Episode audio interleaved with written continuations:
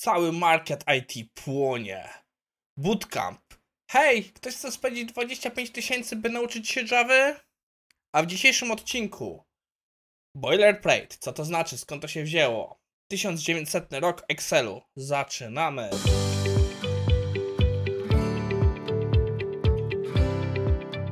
Cześć, nazywam się Maciej Wyrodek, a to jest odcinek na 23 listopada 2022. Lekki warning, możliwe, że jutro odcinku nie będzie. E, niestety będę w trakcie podróży, jest to trochę na, na e, pełną mnie kalendarz.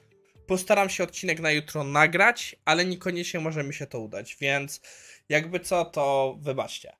Anyway, e, przechodząc z tym tematem, idziemy do pierwszego materiału na dzisiaj. O, przez przypadek sobie mikrofon. Teraz powinno być ok. Naszym pierwszym artykułem na dzisiaj jest e, pytanie, dlaczego kod boilerplate nazywamy kod, e, kod boilerplate. E, dla osób niewtajemniczonych, kod boilerplate to jest w pewnym sensie taki no nieambitny kod, który jest reużywalny. Po prostu jakiś setup projektu, jakieś standardowe rozwiązanie, taki kod, który po prostu no można powiedzieć w pewnym sensie gotowe snippety, które reużywamy, bo nic kreatywnego się nie dzieje i tak naprawdę trzeba je zrobić. Jakieś połączenia z bazą danych, takie rzeczy, które no, są po prostu standardowe w jakimś ekosystemie. Czasami w ekosystemie całego projektu, czasami w ekosystemie pewnej rzeczy. I autor chodzi w dyskusję, skąd ten termin się wziął.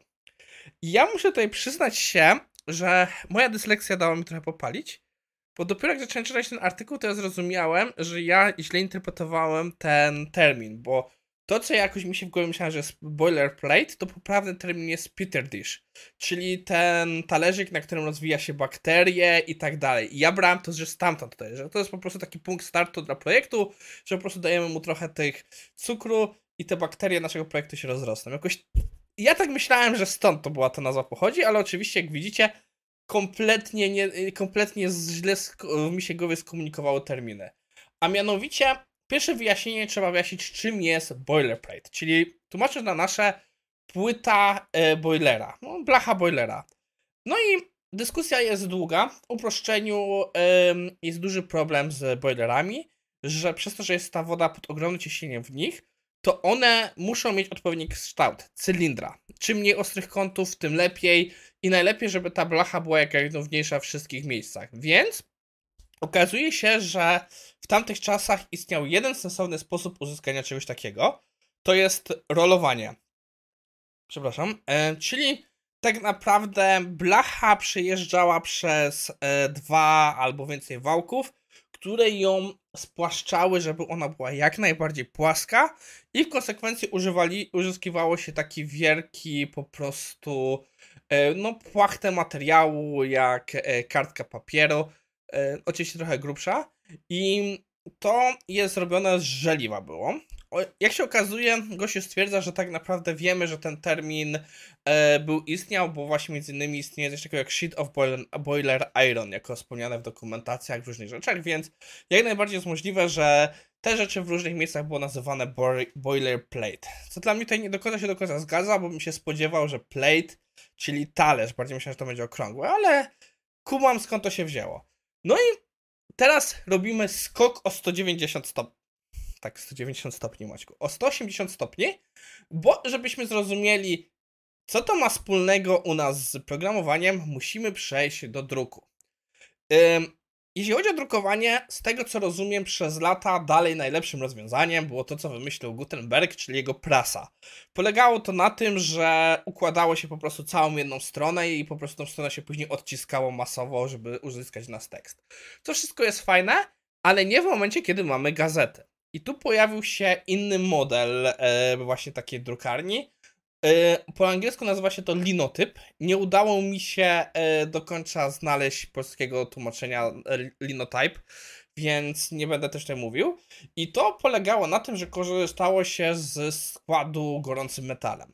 Jak to polegało? Na tym tworzyło się w pewnym sensie mold. Zapomniałem przetłumaczyć mold na polskie.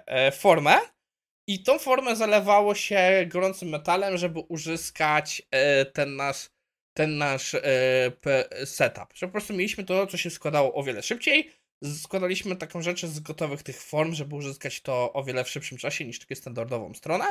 I następnie to wszystko było zalewane i uzyskiwaliśmy już tę naszą prasę, którą mogliśmy e, z tym zrobić.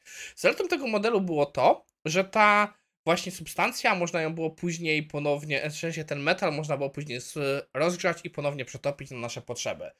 I tutaj właśnie autor pokazuje, jak wyglądał taki fragment, że mam to złożone z takich tych właśnie bloków, które e, z tego co rozumiem z opisu trochę przypominały właśnie ten boiler, e, te blachy boilerowe, ale było wiele grubsze.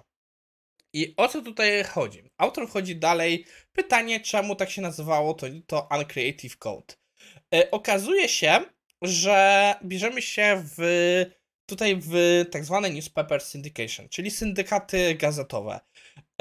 Nie będę do końca wchodził, jak działają syndykaty, bo przyznam się szczerze, też nie jestem w pełni, e, nie do końca tego rozumiem, ale syndykaty to jest sposób zarządzania w sensie prawami autorskimi. Czyli możemy napisać artykuł i możemy go rozesłać do różnych miejsc, do jego publikacji. Na przykład ten sposób było też robione reklamy. I te właśnie tego typu rzeczy też były robione z wykorzystaniem tego właśnie hot metal typesetting, czyli po prostu przez to, że mieliśmy jedną formę zrobioną, no to mogliśmy sobie odlać ile tych właśnie naszych pras gotowych. Więc mogliśmy rozesłać artykuł do jak największej ilości gazet.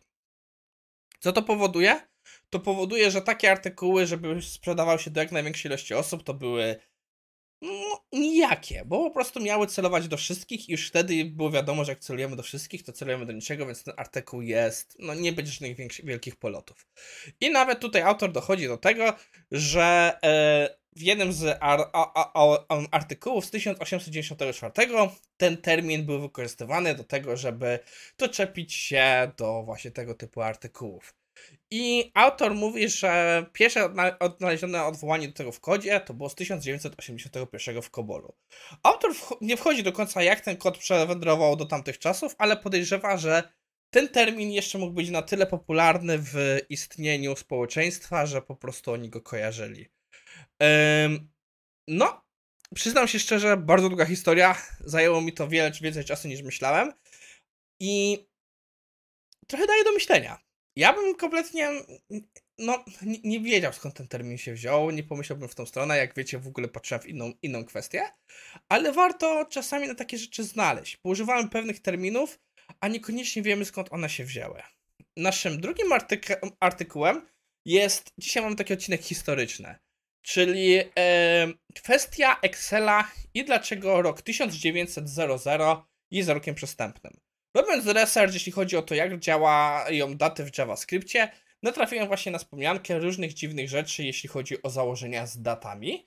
I że na przykład założenie, że wszyscy traktują lata przestępne poprawnie, jest błędne. Bo na przykład 1900 nie jest rokiem przestępnym. Lata przestępne są w teorii co 4 lata, ale jest parę wyjątków historycznie. Chyba raz na 1000 lat nie jest rok przestępny, ale wyjątkowo rok 2000 był przestępny i tak dalej, i tak dalej. I Excel traktuje właśnie jeden z tych lat, który jest nieprzestępny, jako właśnie rok przestępny i autorzy wyjaśniają o co chodzi.